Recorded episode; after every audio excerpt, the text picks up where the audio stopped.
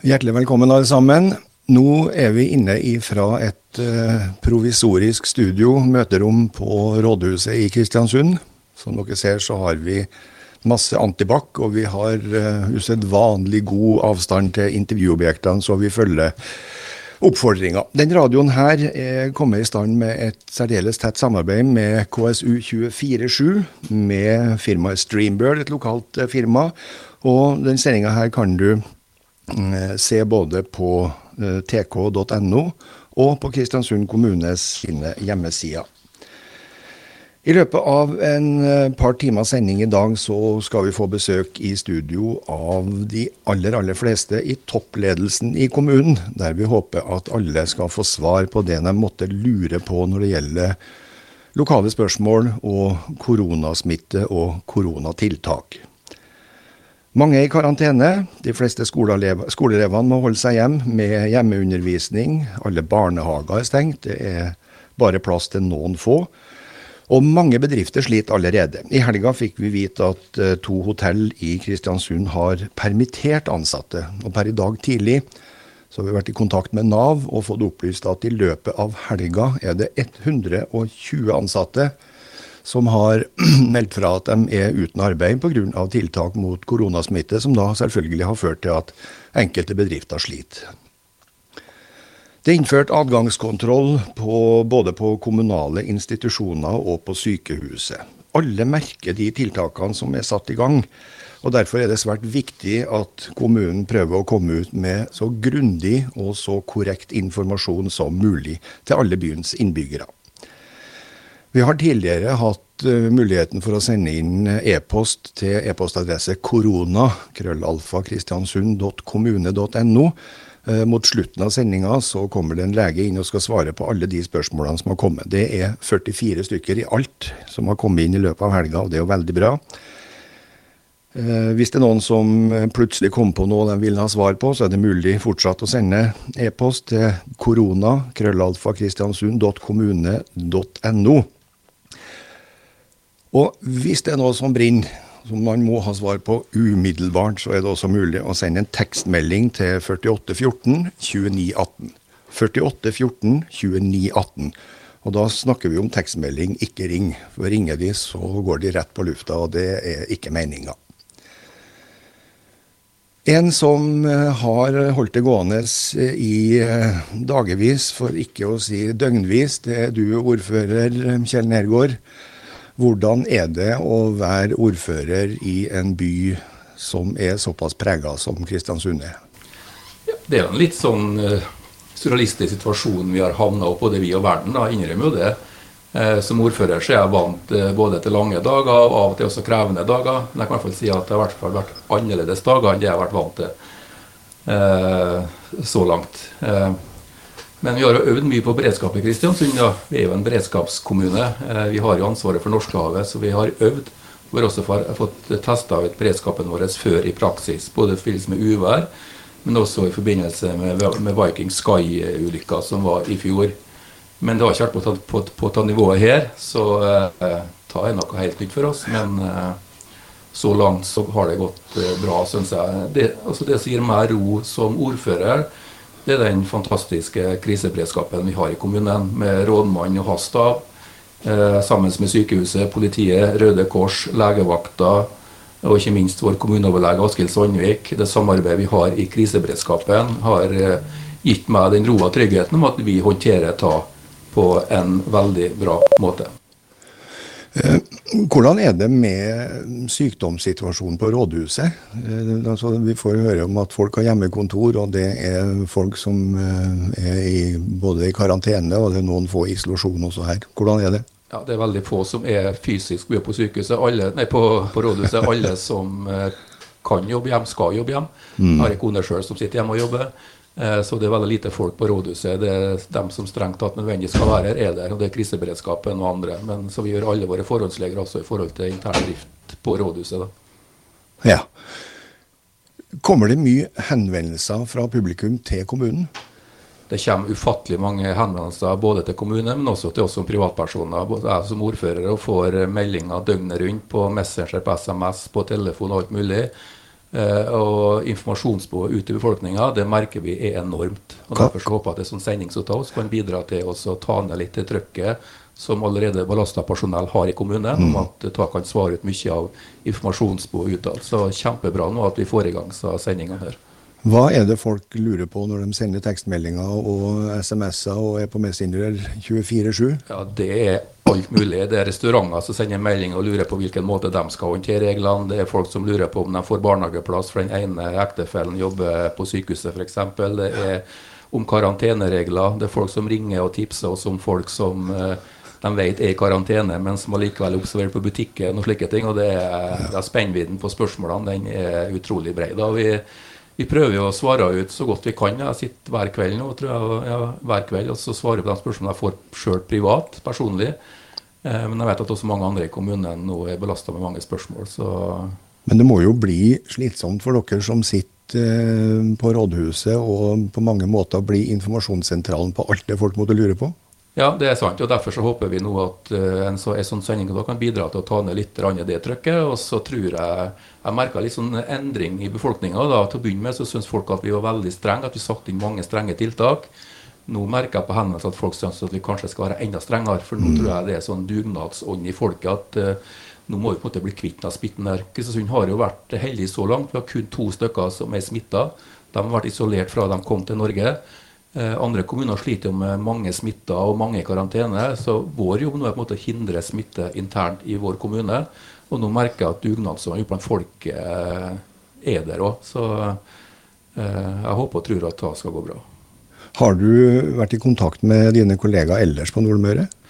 Ja, det har jeg vært. Og de er i samme situasjon, dem òg. At de må bli nedrent av folk som ønsker informasjon. Og det forstår jeg veldig godt, at folk ønsker informasjon.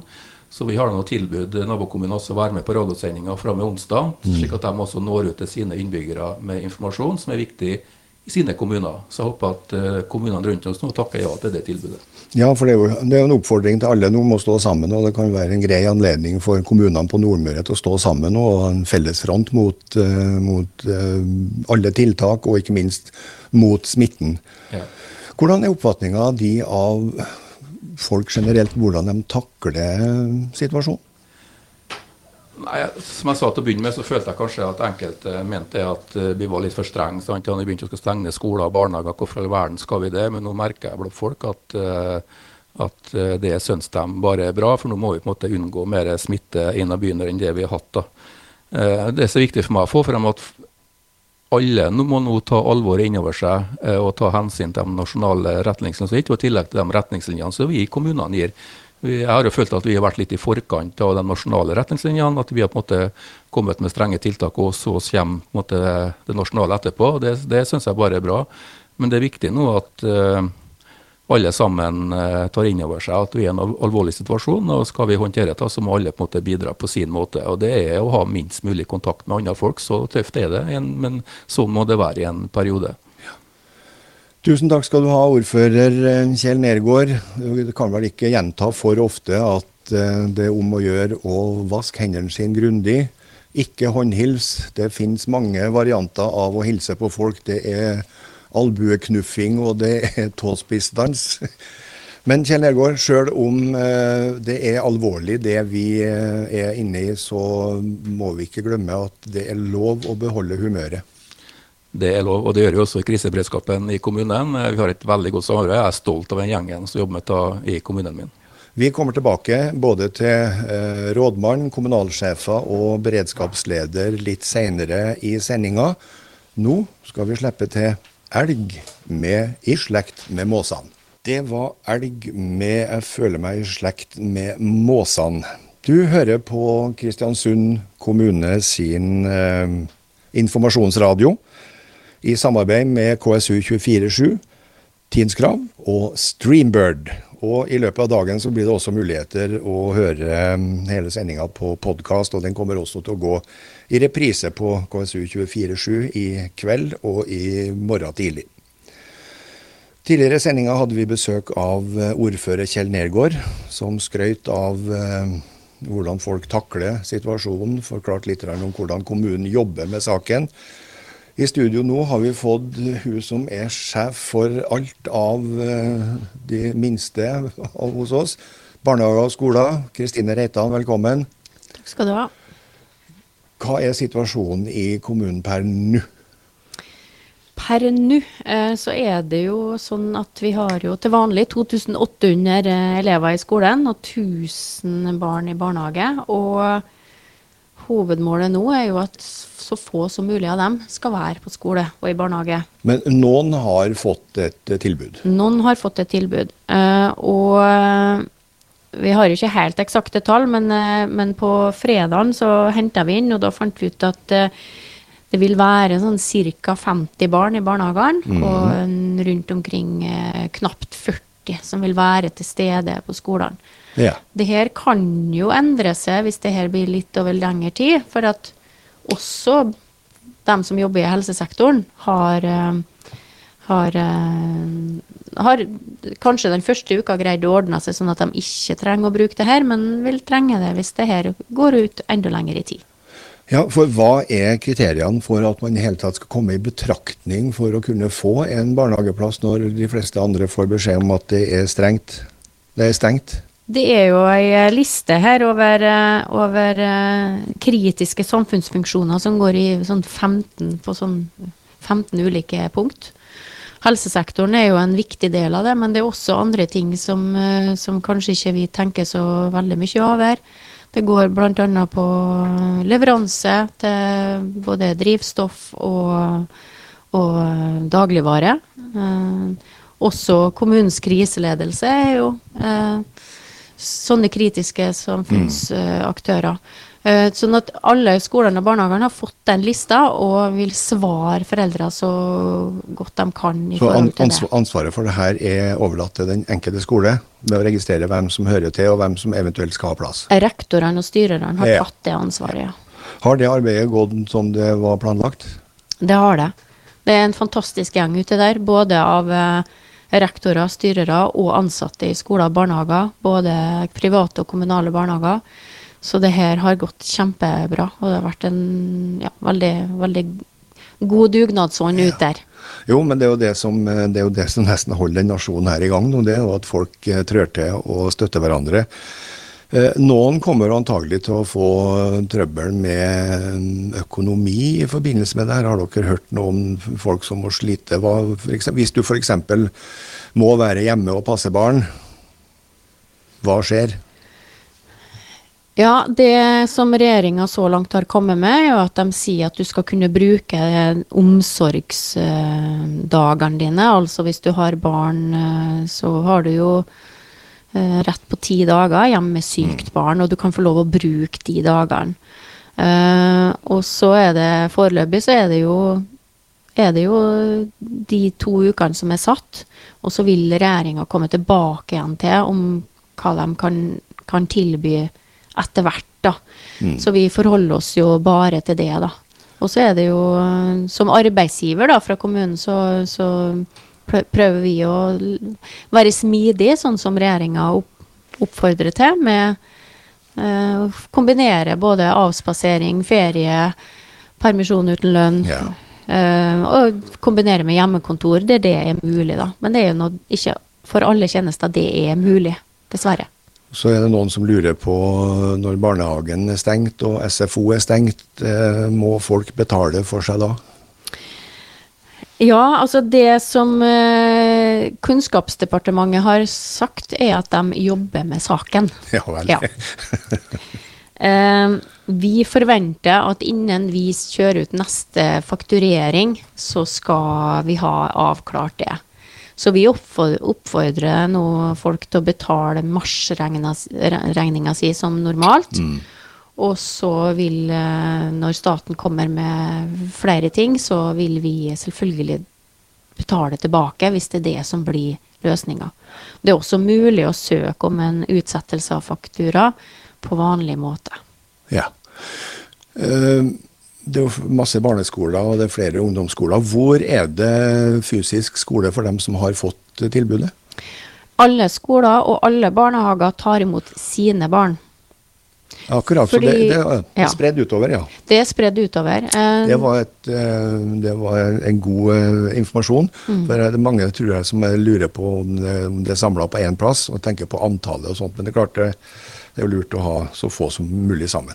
Vi var senest samla på, på lørdagen med kommunelegen i forhold til å faktisk skrenke inn eh, hvor strengt vi er nødt til å gjøre det her eh, ute på eh, enheten for å hindre den videre smittespredning. Så det handler noe ikke bare om hvor små grupper vi skal ha, men det skal være de samme barna eh, og på det samme rommet. Og det greier vi ikke å oppnå hvis vi skal begynne å samle elever på én skole. Men det er jo noen skoler som ikke har noen barn eh, i dag. Ja. Men det kan jo være annerledes til neste uke igjen. Ja, for Situasjonen er jo sånn bortimot overalt at eh, det som gjaldt for en time siden, det er ikke sikkert at det gjelder eh, om én time. Nei, det Så stemmer det. hvor- hvor mye arbeid er det for en kommunalsjef i en sånn situasjon? Eh, det er det, Du må være på hele tida, da. Så det er, jo, det er jo det. Men det store arbeidet gjøres jo ut der. Det er jo dem som må iverksette det som vi beslutter. Så min jobb er å prøve å være så på som mulig, og, og være veldig konkret i de beskjedene jeg gir ut. Og så har jeg et fantastisk lag ut der som iverksetter det, da. Men det er dem som gjør jobben. Og de gjør bl.a. jobben med å tilrettelegge for eh, undervisning på nett. Det gjør de. Hvordan funker det? Eh, meldingene i dag er at eh, vi hadde en, kanskje noen utfordringer på morgenen, kunne det se ut som. Eh, det er spesielt mot, eh, mot de aller minste. For vi har noe som heter, en app som heter Showby, som er veldig viktig for å få eh, undervisninga på iPader opp og gå. Og den var nede i hele Europa på fredag. For det er ikke bare vi som holder på med ta. Uh, men det virker også som at det går uh, bra nå. Eh, de større barna bruker, da bruker vi Microsoft, som har eh, levert oss veldig gode ting. Og det går nok kanskje litt treigere på Teams, fordi at det er mange på. Men uh, tilbakemeldinga er at de er i full gang, ja. Ja, Både fra, jeg har både sett det fra elevperspektivet og fra lærerperspektivet. Jeg var nemlig i kontakt med NEAS eh, før vi gikk på sending i dag, og da fikk jeg faktisk et godt råd fra dem som styrer butikken der.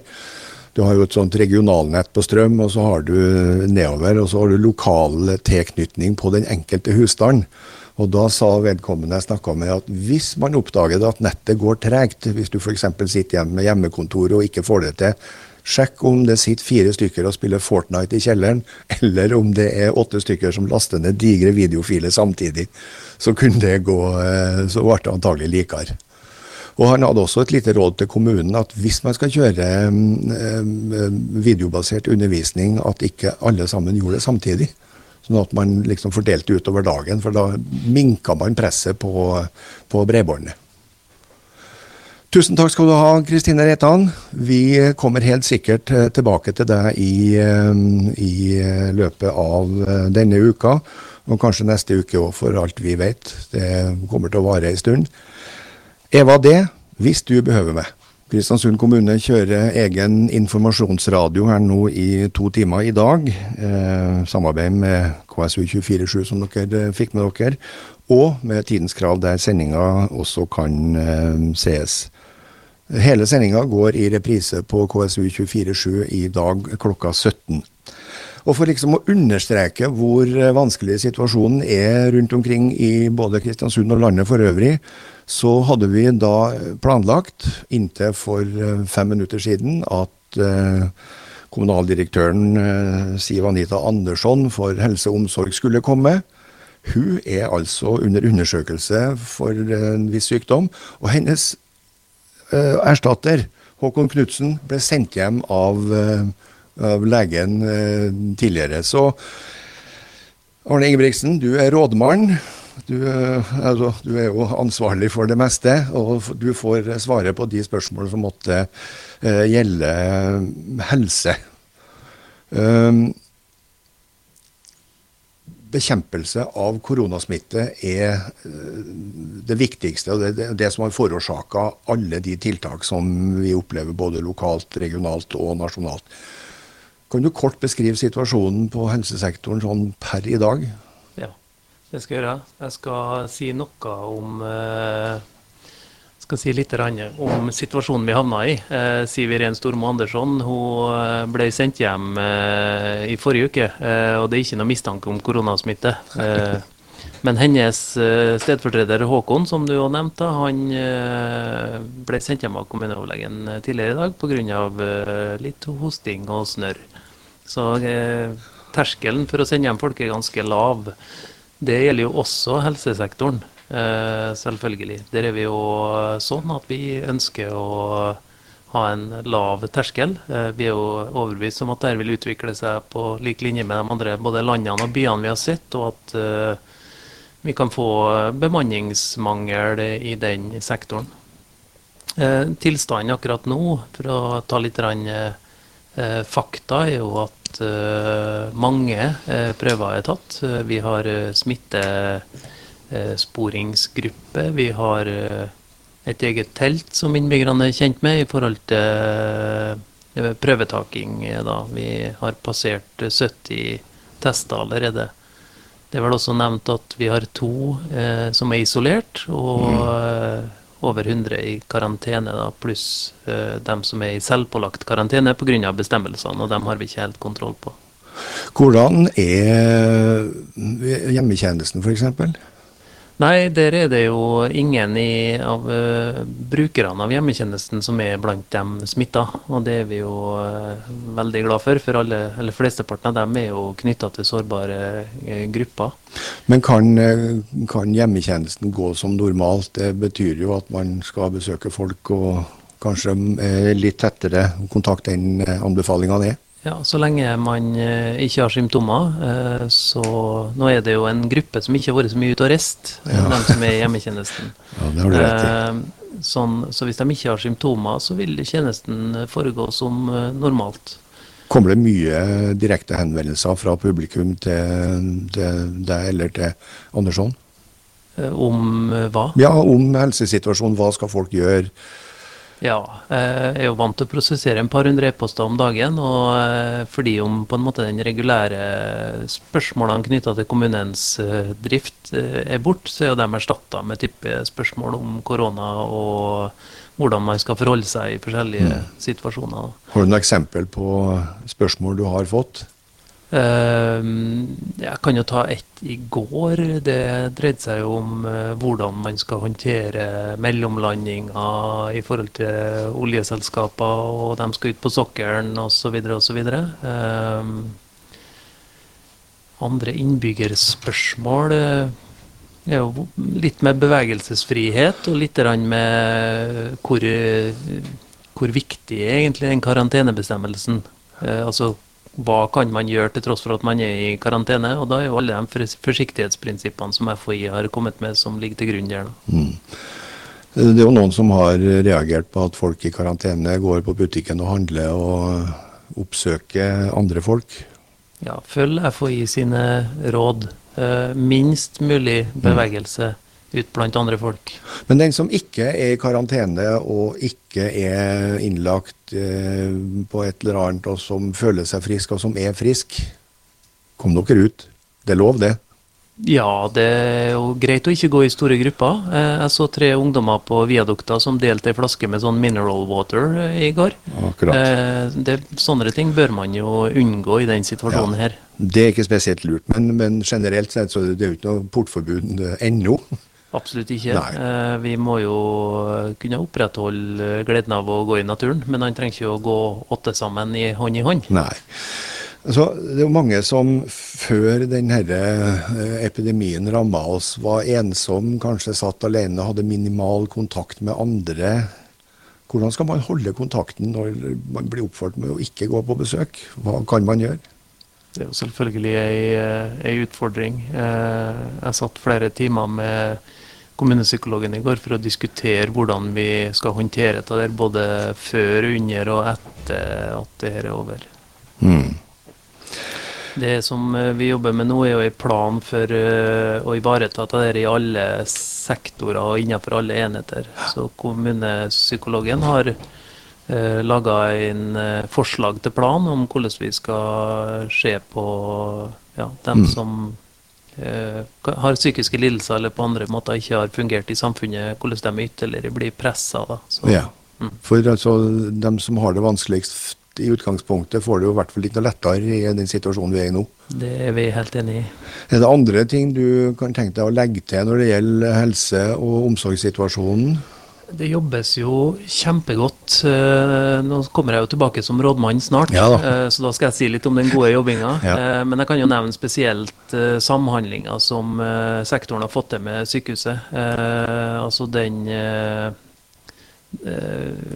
Altså viljen til å ha god samhandling nå, og viljen til å finne løsninger, og at man hele tida har fokus på det som på en måte er alle sitt mål, det er jo at eh, de respiratorene vi har, eh, treffes ikke av en smittetopp, men at vi får utnytta den kapasiteten fullt ut når vi en dag står der og, og virkelig trenger dem.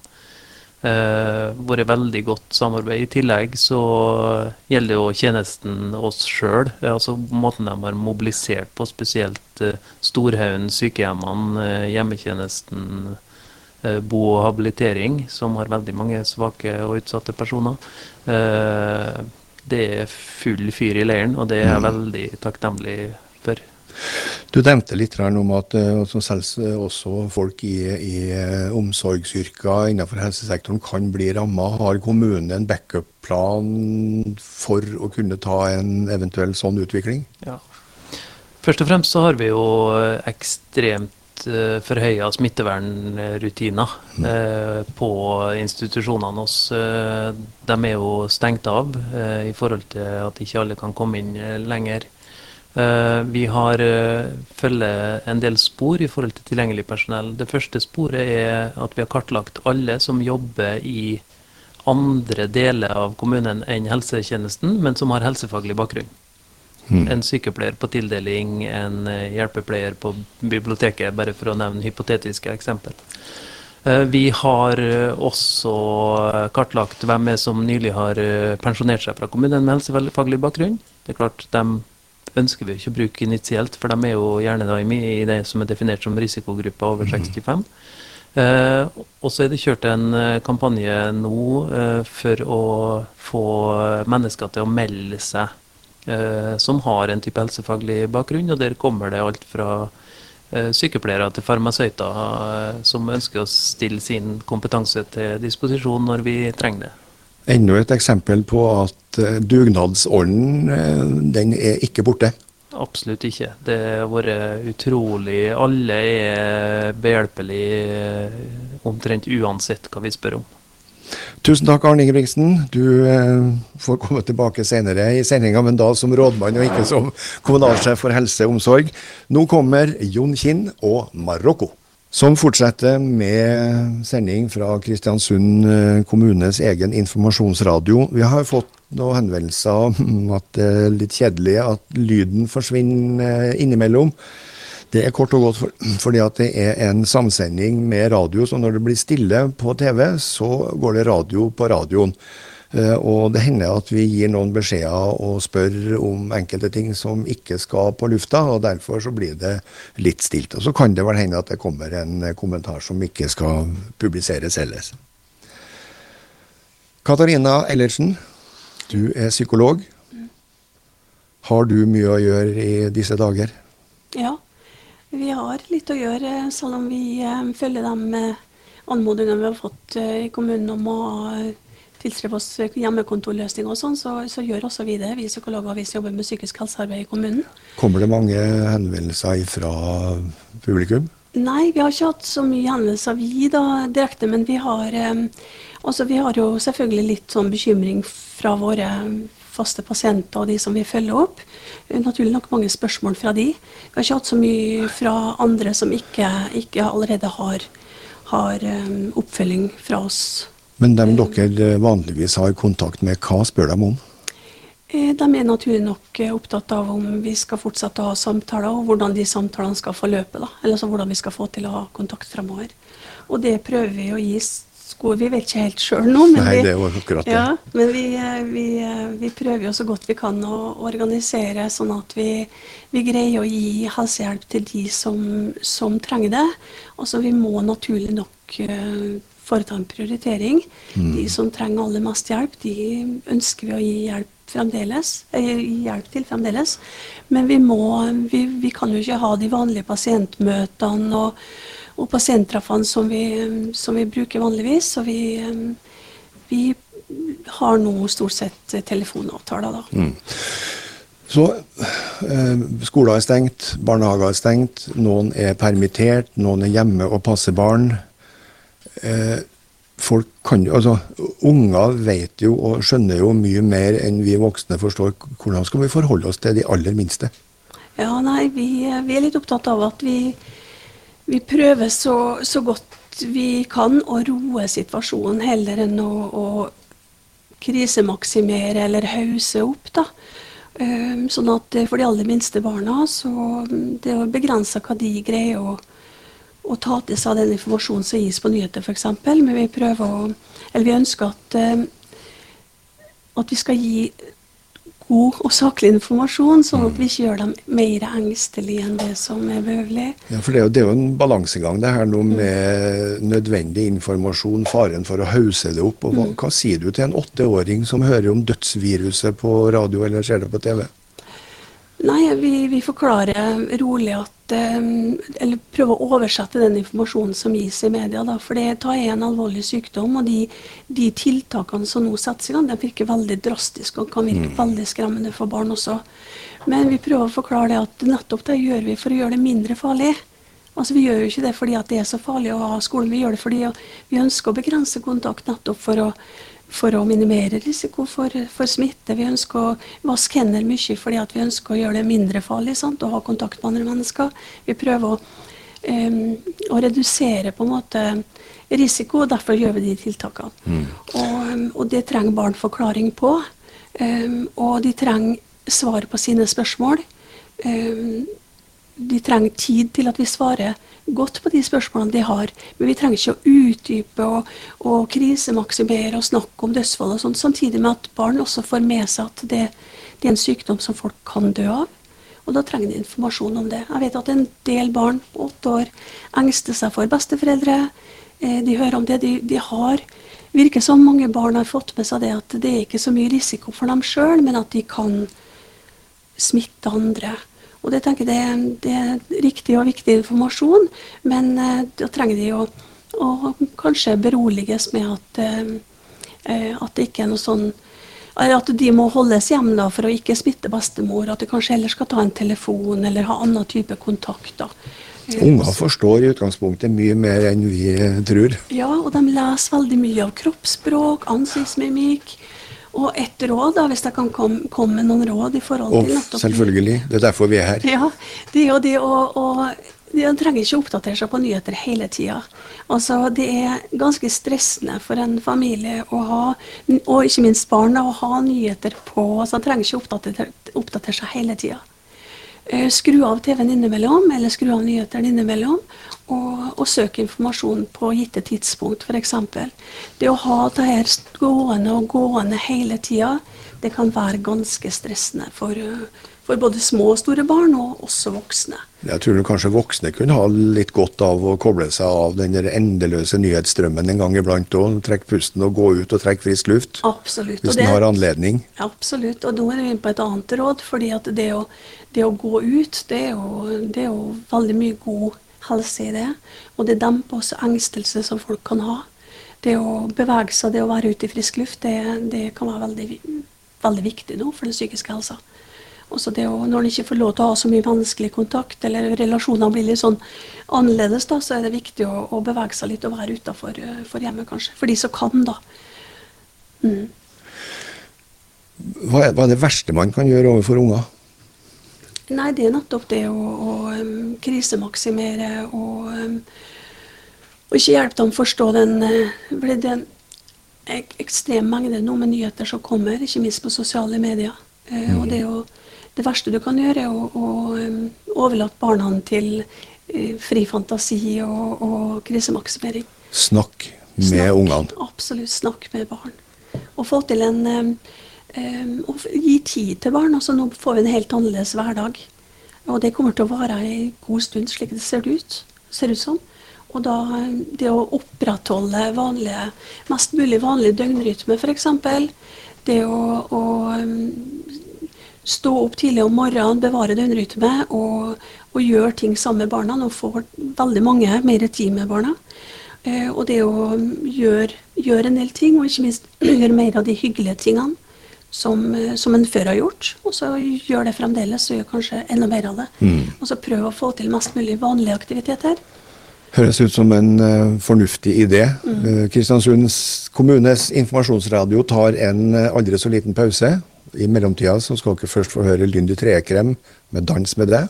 Da er vi tilbake igjen fra rådhuset i Kristiansund, der Kristiansund kommune kjører eh, to timers sending med informasjonsradio om aktuelle problemstillinger i forbindelse med tiltak mot koronaviruset, som de aller, aller fleste har fått med seg. Har du noen spørsmål, så kan du sende en e-post til korona, krøllalfa, kristiansund.kommune.no. Eller hvis du har ei melding som må på lufta tidlig, skriv eh, en tekstmelding, altså en tekstmelding, til 4814 2918. 4814 2918. I studio nå har vi fortsatt eh, psykolog Katarina Eilertsen. Vi snakka før eh, Lynni Trekrem og Nasjonale nyheter om hvordan man skulle forholde seg og snakke med barn om situasjonen her. Hva med dem som ikke har noen? Ja, nei, det, det, de er jo ekstra sårbare. Altså, det er jo både barn og voksne som ikke har noen. De, eh, de eh, får det kanskje ekstra vanskelig i den situasjonen vi nå er kommet opp i. Eh, Vi er jo ekstra redd for det med mm, isolering og, og sånn, spesielt voksne der, da kanskje. Barn har jo stort sett eh, noen som tar vare på dem, men det kan være ganske mange voksne nå som som eh, vil oppleve at de er mer alene enn enn, eh, de noen gang har vært. Og vi var litt inne på i sted i forhold til det med kanskje å, å fjerne seg litt fra sosiale medier og slå av og sånn, men jeg vil jo si det at ære være og takk og pris for, eh, for så godt utbygd sosialt Ja. media eller eh, nettverk eh, nå, da. Eh, og det, det er jo en av de tingene vi tenker at det er veldig viktig, at folk fortsatt holder kontakten der de kan, kan der. Så er det kanskje like viktig ja, som å ha kontakt på sosiale medier i stedet for å sende tekstmelding. Ring til noen Ja. som du vet kanskje Absolutt. du vet sitter alene. Absolutt, og det skulle jeg akkurat til å si. At det, det er nå du burde ta opp telefonen og så ringe. Vet du at folk sitter alene, eller sånn, så kan det være veldig betydningsfullt å, å ringe akkurat nå. Og, og en annen ting er det å, å strekke til hånd til de som kanskje også trenger hjelp av de. Ja. Eh, om du ikke kan dra på besøk, så kan det være kanskje praktiske ting du kan, Kan kan ordne og løse for de. Eh, så det er absolutt et mm. poeng. Og jeg tenker, jeg har lyst til å si litt om det at det, det er um, veldig mange nå som, som opplever økt grad av engstelse og uro knyttet til dette. Og vi kan være veldig friske, eh, men likevel så opplever vi at vi er stressa og prega av dette. Det vil, det er helt naturlig, helt naturlig at vi blir litt sånn ekstra aktivert. Men så har vi en del blant oss da, som blir økt aktivert. Og det er altså den situasjonen som er prega av usikkerhet og, og alt det her, det, det, det gjør en økt aktivering, og han kan bli ekstra engstelig og irritabel. og og man han kan faktisk oppleve å, opptre mindre rasjonelt enn det som er vanlig, da. Eller Ja, for det vel- det er vel sånn at uh, alle sammen er i en situasjon som ja, Det er vel kanskje bare dem som fremdeles eh, altså Dem som levde under andre verdenskrig, som har vært borti så omgripende tiltak. Eh, altså, hva, hva gjør det generelt med psyken til folk? Nei, altså vi På kort sikt så, så kan vi oppleve akkurat det som jeg nå var inne på. altså det At han kan bli litt sånn annerledes. Han kan bli litt mer sånn eh, sårbar, altså mer engstelig og, og mer irritert. altså Han får mer sånn følelsene frem. da. Eh, at han tenker med følelser og tenker ikke så rasjonelt kanskje hele tida. Eh, og, eh, og det er helt naturlig. Kroppen, også, han kan bli mye mer anspent, han kan bli, føle seg mindre avslappa. Det er nettopp derfor jeg peker på det med, med døgnrytme, hvorfor det er viktig. Også det å holde dagliglivet i gang. Også noen får problemer med fordøyelse, sovemønster, alt det her.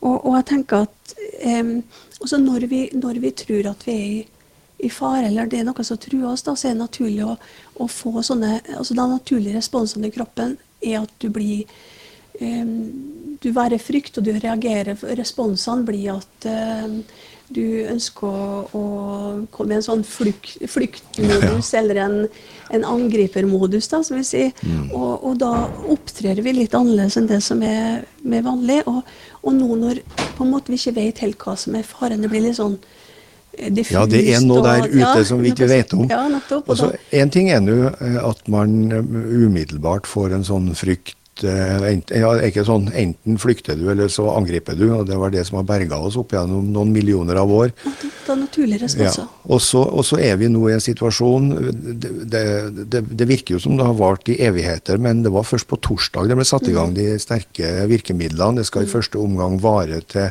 26. mars. Mm. Og da har folk på en måte tenkt at ja, OK, 14 dager, det klarer jeg. Mm. Men alle tegn tyder jo på at tiltakene kommer til å vare mye, mye lenger mm. enn det. Mm. Hva gjør det her med psyken til folk over, over lang tid? Nei, det, vi vet ikke og hva, og hva gjør man med det?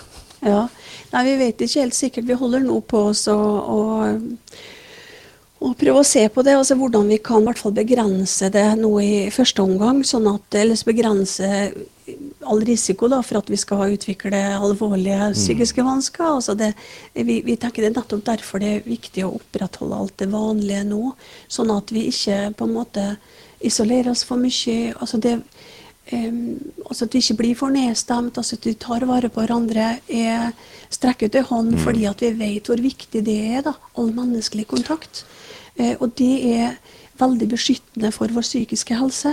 Sånn at eh, alt vi kan gjøre på kort sikt, det tror vi også vil virke på lang sikt. Det er lov å le sjøl om det er alvor? Absolutt. Og vi skal prøve å ha mest mulig vanlige stunder, hyggelige stunder sammen med familiene ja. våre. Mm. Tusen takk skal du ha, Katarina Eilertsen. Du er hjertelig velkommen tilbake med gode ideer om hvordan folk skal takle en vanskelig situasjon. Og inntil videre, Stig Nilsson, 'Det jeg elsker'. Kristiansunderen Stig Nilsson med 'Det jeg elsker'.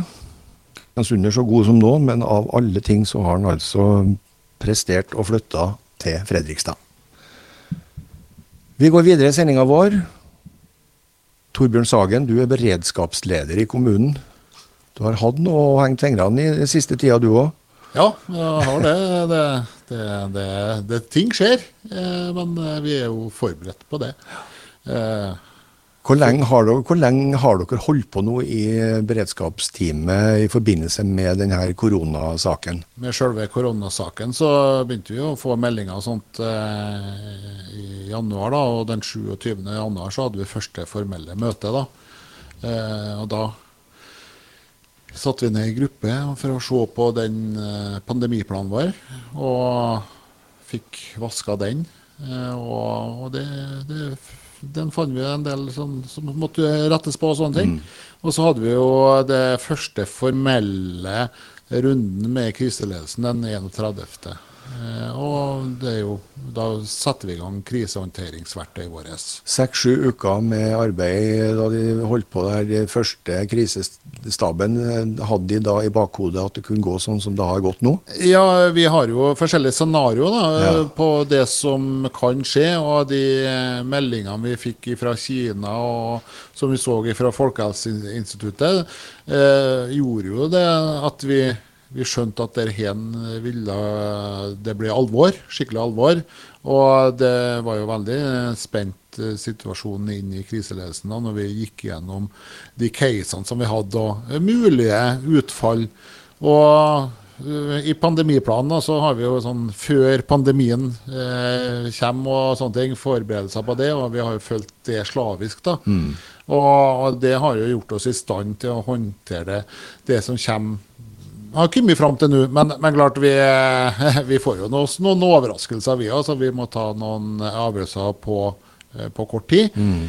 Men eh, klart eh, ja, Hvis du kan si at du har kontroll, så, så, føler vi at vi har så god kontroll som vi går an å ha i en sånn situasjon.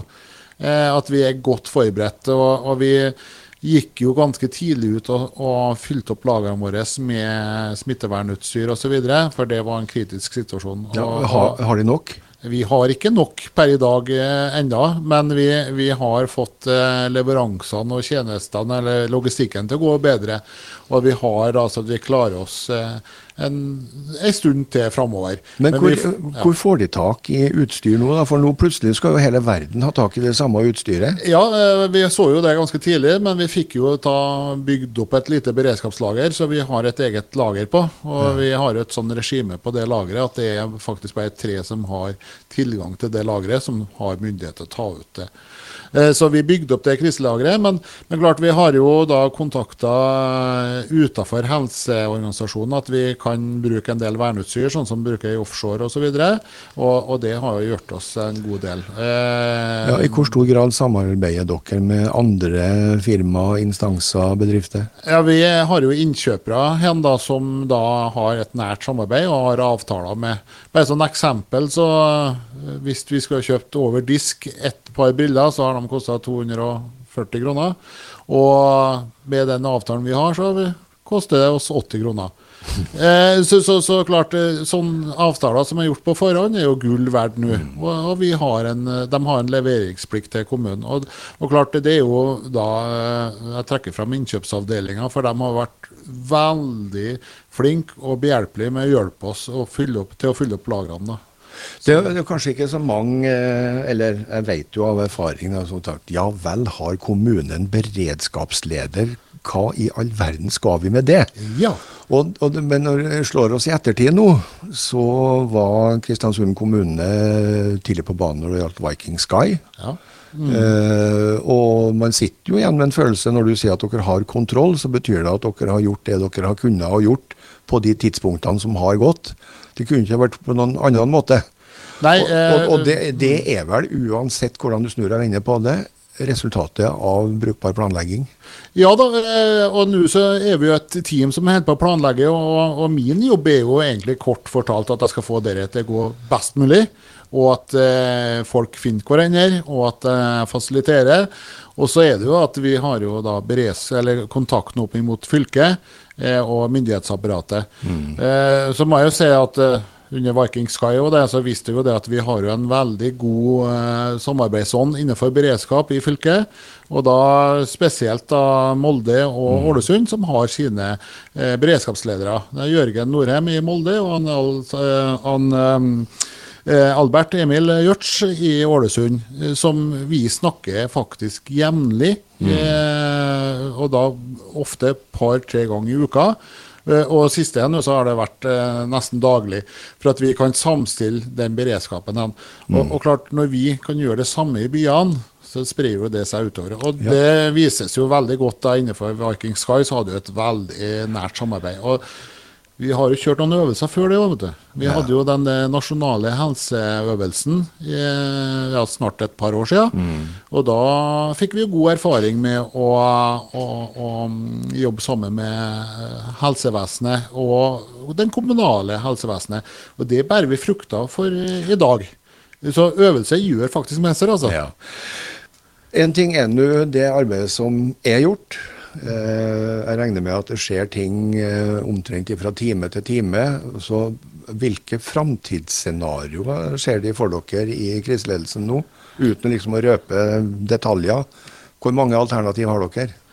Ja, eh, sånn som jeg har fått det fortalt, da, så, så driver jo vi faktisk med å prøve å utsette utbruddet mest mulig i Kristiansund. Eh, og, og, klart, hvis vi kan utsette eh, den store toppen, så kan vi ha mulighet til å hjelpe de fleste. Eh, for da kommer eh, sykdomstilfellene eh, i rekkefølge, og ikke hoper seg opp. Da snakker du om den grafen som vi har sett. Ja. Blir den sånn, så ja. går det til helsike, og vi klarer det. Den går sånn. Akkurat. Ja. Eh, men det vil jo si at vi vil jo ha en langtidshendelse hen. Så kontinuitetsplanlegging er jo da veldig, veldig viktig. Og at vi da tar ut eh, noen folk og sparer dem. Eh, F.eks. vi har skilt ordfører og varaordfører mm. pga. det at hvis én er så uheldig å bli syk, så har vi Ja. eh, reserve. Sånn holder vi på med litt i staben vår òg. At vi tar ut en del folk som vi ikke eh, som ikke må bli syke nå, da. Eh, og da sparer vi dem til senere, eh, når vi andre eh, har blitt syke. Hvis du tar fram kalenderen, hvor langt fram har du planlagt? Eh, det- Jeg kan ikke si det, for mye av det her vil være situasjonsbetinga. Eh, Men klart, vi, vi er planlagt for lang drift framover. Ja. Tusen takk. Beredskapsleder Torbjørn Sagen går ut av vårt provisoriske studio og innkommer Vårsøg med Vårsøg. Det var Vårsøg med Vårsøg. Kristiansund kommunes eh, informasjonsradio ruller videre på andre timen. Har du spørsmål, send en eh, SMS til 48 14 29 18, eller en e-post til korona krøllalfa kristiansund.kommune.no. Arne Ingebrigtsen, nå er du tilbake igjen som eh, rådmann. Vi har hørt eh, tidligere i dag og lest i avisa også at det er snakk om eh, grensekontroll for å komme inn til Kristiansund. Kan det virkelig være tilfellet? Det akkurat nå er snakk om kunnskapsgrunnlag for å på et senere tidspunkt eh, måtte iverksette en grensekontroll.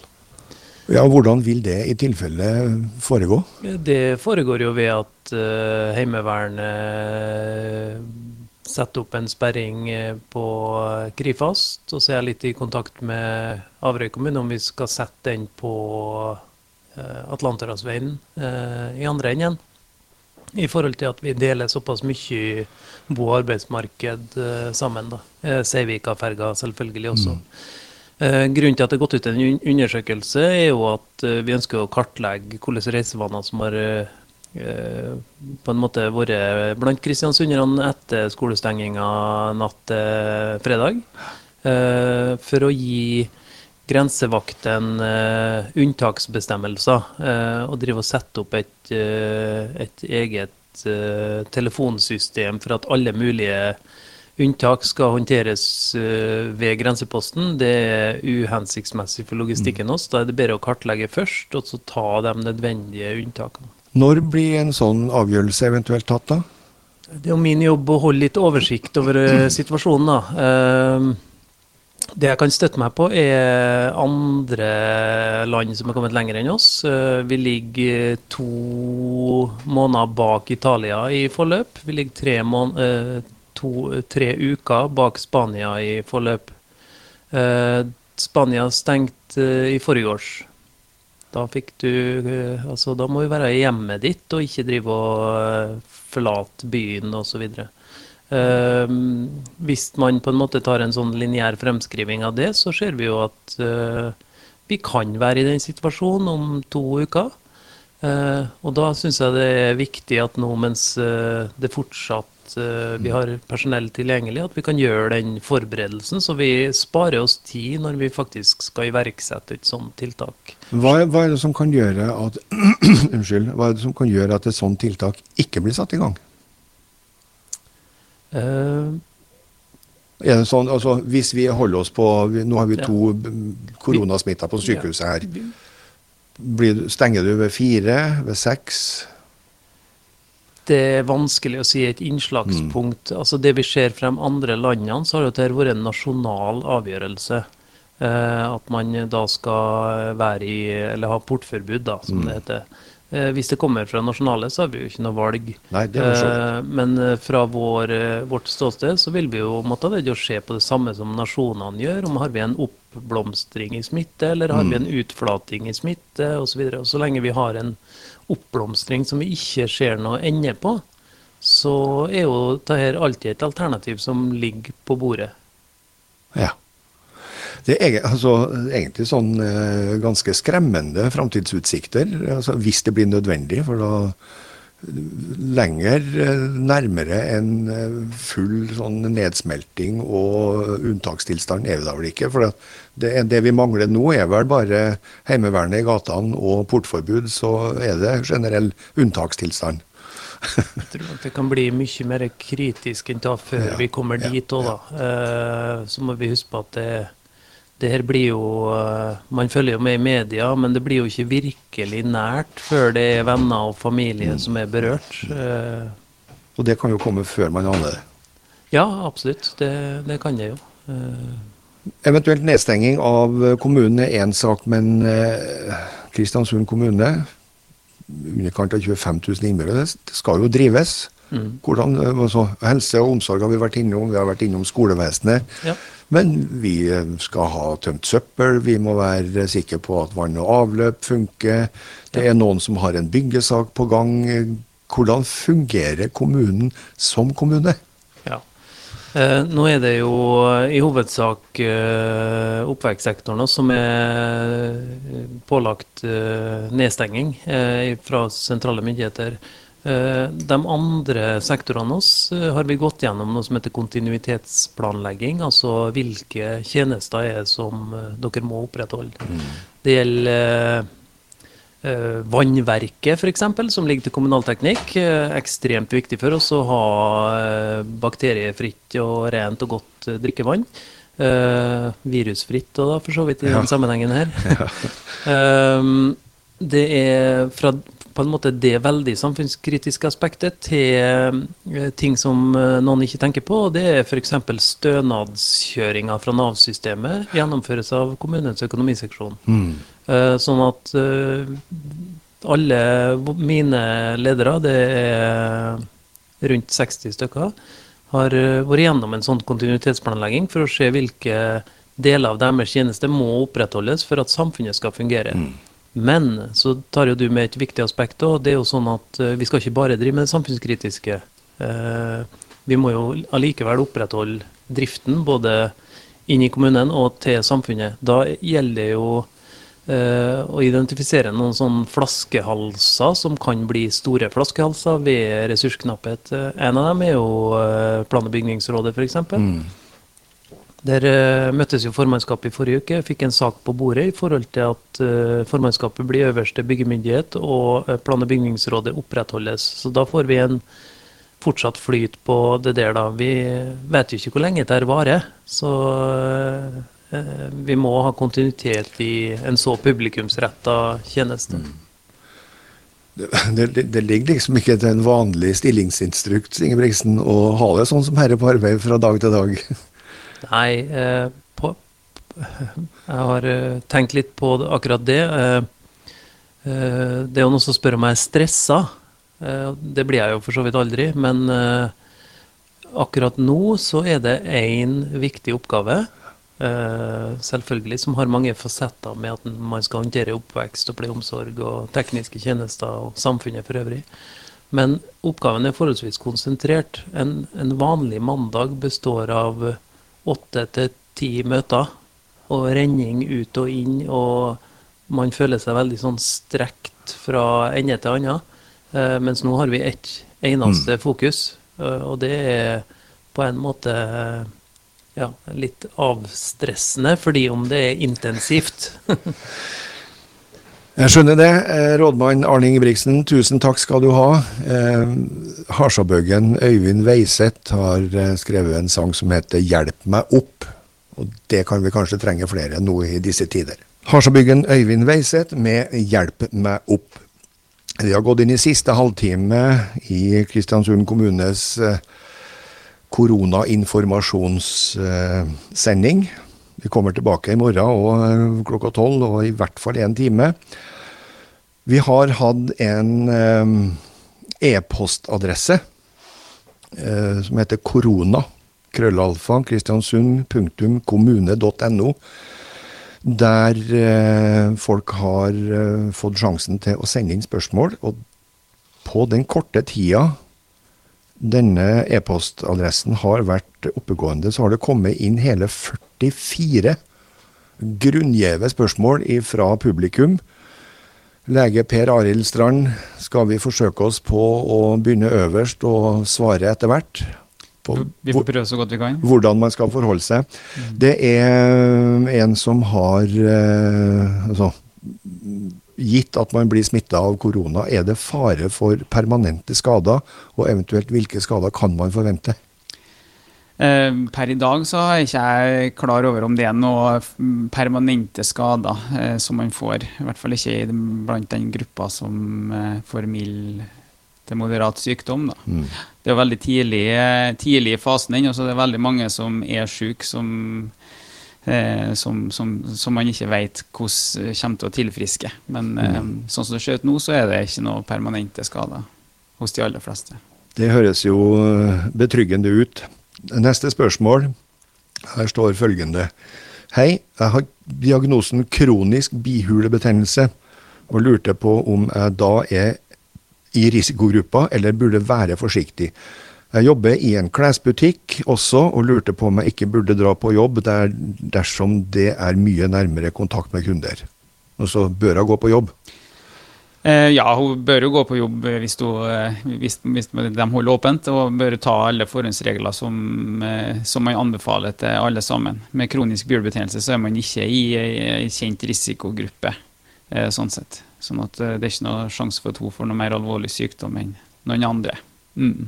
Nei, men det var betryggende. Og det er jo Eh, altså, det er jo bra at folk har spørsmål, for det beviser jo bare at folk har, de lurer på enkelte ting som de gjerne vil ha svar på.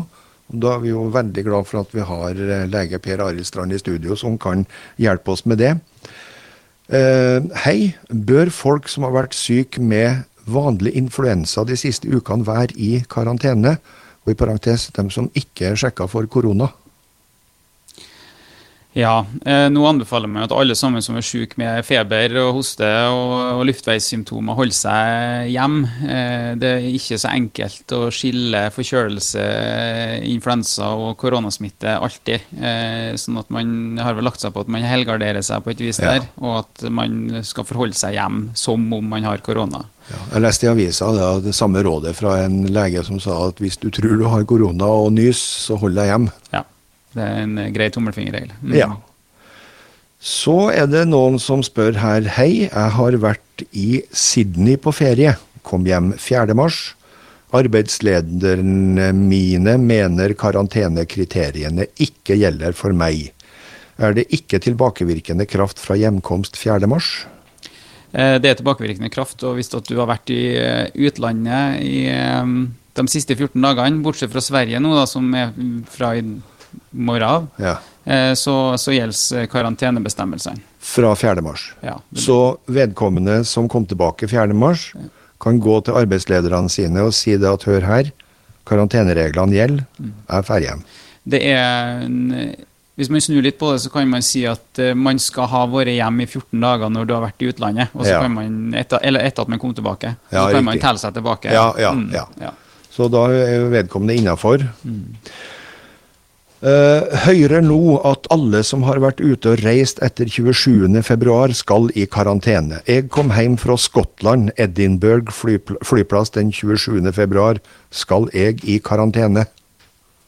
Nei, Det blir samme svaret nå. da, at hvis ja. Du må nesten telle deg eh, fram da, fra 14 dager fra du kom tilbake. og ja. det, det, er da du skal kunne gå på jobb igjen. Da. Så han Berge med ei lita uke. Ja. det er greit. Så eh, har vi et spørsmål her. Konas nærmeste kollega fikk i natt på kort tid høy feber, hodepine, hoste og vondt i kroppen. Eh, kollegaen har bare vært i Oslo og fått beskjed om at hun ikke blir testet. Bør vi ta forholdsregler som om kona mi kan være smittet med korona? Nei, i utgangspunktet ikke. Det er de samme forhåndsreglene som, eh, som, gjelder til alle. Eh, den som ble syk, må holde seg hjem. Eh, hvis at kona blir syk, så må hun holde seg hjem, hun òg. Mm, ja. Skjønner. Uh, skal vi se, her er det noen som spør Det er på fredag, riktignok. Hva er status med antall smitta uh, i, i isolasjon? Og antall smitta i, eller antall i karantene per fredag? Uh, antall per fredag, ja. Vi har per i dag på landsbasis, og så det siste jeg så var drøyt 1100 som er smitta. Uh, mm. Karantene og isolasjon, det, det, er jo vanskelig å holde oversikt på det. Ja. fordi at nå skal jo folk sette seg sjøl i karantene og isolasjon, og mm. det har vi jo egentlig gjort helt siden vi starta med dette her, ut fra råd fra Folkehelseinstituttet. Så det var noen som kom fra Nord-Italia, noen som kom fra Italia, nå kommer de fra hele verden. Så, Ja, så, sånn at det, vi har ikke noe god oversikt på det. Men det er, jo, det er jo kanskje på sin plass å minne folk om at, eh, at eh, FHI.no, Folkehelseinstituttet, har gode råd. Eh, bare sånn at folk har en viss peiling på hva det dreier seg om. Et begrep som heter hjemmeisolering. Det dreier seg om å være hjem, isolert fra andre mennesker og ikke ha tett kontakt med dem du bor sammen med. Gjeld for alle med mistanke om eller bekrefta covid-19-sykdom helt til friskmelding av lege. Så det er hjemmekarantene. Det dreier seg om å være hjem og ikke ha kontakt med andre enn dem du bor sammen med. Gjelder for alle som har hatt kontakt med covid-19-syke, men som ikke sjøl er syk i 14 dager fra siste kontakt. Og Hjemmekarantene omfatter det å ikke gå på jobb eller skole, unngå reiser, ikke ta offentlig transport, øh, unngå steder der man lett kan komme nær andre. Karantene og isolasjon skal skje hjemme og ikke på hytta. Det er Folkehelseinstituttet sine råd. Ja. Og så er det viktig å hvis at man er i hjemmekarantene, eller hvis man omfattes av det på, på, eh, av det her på noe vis, så er det viktig at man er innom og oppdaterer seg jevnlig, nesten daglig, på hva som står på Folkehelsa sine sider. For den siste eh, uka så har det endra seg fra dag til dag, Ja. um, hvordan man skal forholde seg, og hvem det gjelder, og alt det der. Mm. Hold dere orientert. Det er hovedrådet. Så er det noen som skriver Jeg er på ferie på Gran Canaria, og da har det kommet i løpet av helga.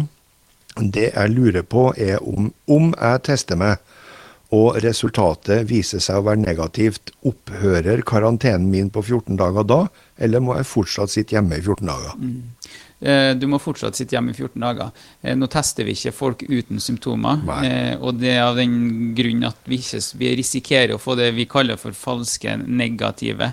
Altså det vil si at testen viser at du ikke har eh, viruset, men vi kan ikke stole på testen. Så da risikerer man en falsk trygghet. Det er da vedkommende går på jobb, da. Og så bryter du ut tre dager Og så bryter du ut tre dager etterpå, og da er det for seint. Ja. Ja.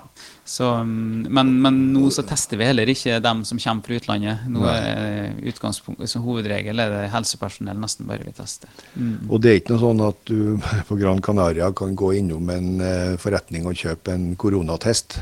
Nei. Nei. Du må være hjemme i 14 dager etter at du har kommet fra Gran Canaria også. Ehm, vi tar en, eh, et spørsmål til, vi. Før vi tar en liten pause. Hei, jeg har vært på utenlandsreise og er med dagens nye oppdatering pålagt karantene ettersom vi kom hjem 14, nei, 6. mars. Da er du innafor 14 dagene. Arbeidsgiver sier at dette bare er tull, og at jeg må møte på jobb. Hvordan håndterer man dette? Hvem skal man høre på? Myndighetene eller arbeidsgiver? Eh, Du skal høre på myndighetene, definitivt. Ja. ehm, nå har um, regjeringa gått ut med oppmodning til arbeidsgivere om å innføre 14 dagers eh, egenmelding for å avlaste fastlegeordninga med sykemeldinger. Men eh, det er klart hvis man er i hjemmekarantene, så eh, har Nav gått ut og sagt at man har en mistanke om en allmennfarlig smittsom sykdom, og da har du rett på sykemelding. Sånn at hvis at det er et problem, så kan man sykemelde seg. Men det er som sagt det er arbeidsgiver tar feil. Arbeidsgiver tar feil. Vedkommende som sendte inn uh, dette spørsmålet, kom tilbake 6.3. Skal ikke på jobb. Så arbeidsgiver må skjerpe seg. Ja. Vi lar eh, Jan Dalen med 'Mitt beste for deg' eh, ta en liten pause mens vi kommer tilbake etter at han er ferdig, med flere spørsmål som er sendt inn fra dere der ute. Kristiansund kommunes eh, koronainformasjonsradio er tilbake. I studio har vi lege Per Arild Strand som svarer på innsendte spørsmål. På forhånd har det kommet inn 44, men akkurat nå så kom det inn et som vi tar innimellom. Det dreier seg om eh, matbutikker, eh, engangshansker og håndsprit. Der skriver vedkommende. Det at noen butikker tilbyr hansker til kundene er flott, men det er ikke alle utsalgsstedene som har håndsprit tilgjengelig, noe som igjen fører til at kunder tar ned i en beholder uten å ha fått rensa hendene på forhånd, og det kan smitte over på innholdet. I tillegg er det en del knot med å få på seg hansker, og det er ikke nødvendigvis en steril prosedyre å få dem på hendene. En annen ting er at enkelte kanskje gir fullstendig blaffen i å minske smittefaren når de er ute og handler. Poenget her er at det er en stor risiko for at emballasje som er kommet i kontakt med infeksiøse agens, blir med hjem. Hva er forhåndsregler for å minske denne faren? Bør man ta det som en selvfølge om at minst én av varene som blir med hjem, er, innsm innsmurt med potensiell smitte? Per Arild Ja. Først gummihansker og håndsprit. Gummihansker og håndsprit, Veldig godt spørsmål. Det er det er man anbefaler Eller hva skal jeg si, det, det, det, er ikke, det, er ikke, så lurt som det kanskje ser ut som. For at den gummihanskebeholderen det er noe som alle sammen vil ta oppi. Eh, så der har du et smittepunkt. Det neste er jo at, eh, at, eh, at når man tar av seg hansken etter å ha tatt på ting som andre har tatt på, så, så er jo ikke hansken ren, og da kan du risikere at du overfører eh, smittestoffer fra hansken og på deg sjøl. Eh, samtidig som at når, ofte når du drar av hanskene, så hører vi at det kommer et, sånt, et smekk. Og da er det jo noe som beveger seg raskt der. Og når ting beveger seg raskt, så kan man spre partikler i, i lufta med det. Sånn at det, eh, det tror jeg ville ha sagt at vi kan sette på en falsk trygghetskontoen. At uh, det er okay. ikke dermed sagt at det, at det, er trygt bare fordi det står hansker der. Men hvis det er i kombinasjon med håndsprit, sånn at du kan desinfisere før du tar nedi beholderen, mm. og er du virkelig forsiktig, så tar du håndsprit på hanskene før du tar dem av deg òg? Ja, det kan du si. Sånn at, ja. Eh, altså, helsepersonell gjør jo det her hele tida. Ja. Eh, vi er på en måte opplært til hanskebruk og hvordan det skal være. Det er jo det samme med munnbind. At uh, helsepersonell bruker munnbind for å beskytte seg sjøl, men vi anbefaler ikke det til befolkninga, rett og slett for at det, det gjør antakeligvis at folk tar seg mer i ansiktet ja. pga. disse vindinga går opp i spinninga der. Mm. Og så Det andre delen av spørsmålet var om man som utgangspunkt skal ha at minst en av varene som jeg har med meg hjem, er innsmurt med potensiell smitte? Ja, jeg tror det er en god tanke, og det at alle sammen bør eh, tenke fornuftig og tenke på risikoen for at man tar med seg ting hjem. Um, det er jo ikke noe offentlig anbefaling, det er noe, men uh, personlig så, så, står jeg over både smågodte og wienerbrødet nå i ja. tida her, for at ting som ikke er innpakka, det, det, det, kan du ikke garantere rent. Og selv om du er fornuftig, så er det ikke sikkert at han som var der før deg, gjorde de samme tiltakene som du mm. hadde gjort. Mm. Den er grei. Vi uh, begynner å nærme oss så smått slutten her, men vi uh, kan ta et uh, helt til slutt her nå. Kan en person som har hatt koronaviruset og blitt frisk, bli smitta på nytt? Det vet vi ikke for sikkert. Eh, sånn som det er nå, så er det et helt nytt virus. Det er det veldig mange som er smitta nå, men det er ikke så mange. Sist jeg så, var det tre i Norge som hadde blitt friske. Ja. Ja, eh, vi har sett noen sånne rapporter fra Kina som florerer litt på internett, og, og sånn, det er håndfull som har fått det på nytt, men eh, det, det, har man på en måte ikke dokumentert, da, som det heter på fagspråket. Så det skal man ikke være for sikker på. Vi får jo forkjølelse på nytt igjen. Ja. Men eh, man får jo en viss immunitet for influensa f.eks. Men det eneste som er sikkert med koronaviruset, er at alt er usikkert. Ja, ja. Tusen takk, Per Arild Strand, for at du kom i studio her til vår kommunale informasjonsradio. Vi har eh, mange flere spørsmål igjen. Eh, dem kommer vi tilbake til. Den sendinga her går mot slutten. Hvis du har en spørsmål du gjerne vil ha svar på, send det på eh, e-postadresse korona eh, krøllehalfa kristiansund.kommune.no. Ja, punktum og dot er jo akkurat det samme, så det blir, det blir, dere vet hva jeg mener. Eh, så har vi vært inne på det her at eh, sjøl om det er en pandemi, altså et problem som er verdensomspennende, masse folk blir syke, det er masse usikkerhet, så er det noe med å holde litt på humøret. Så eh, for å avrunde den sendinga her med en liten opptur Always look on the bright side of life med Monty Python. Takk for nå, og kom tilbake igjen i morgen klokka tolv.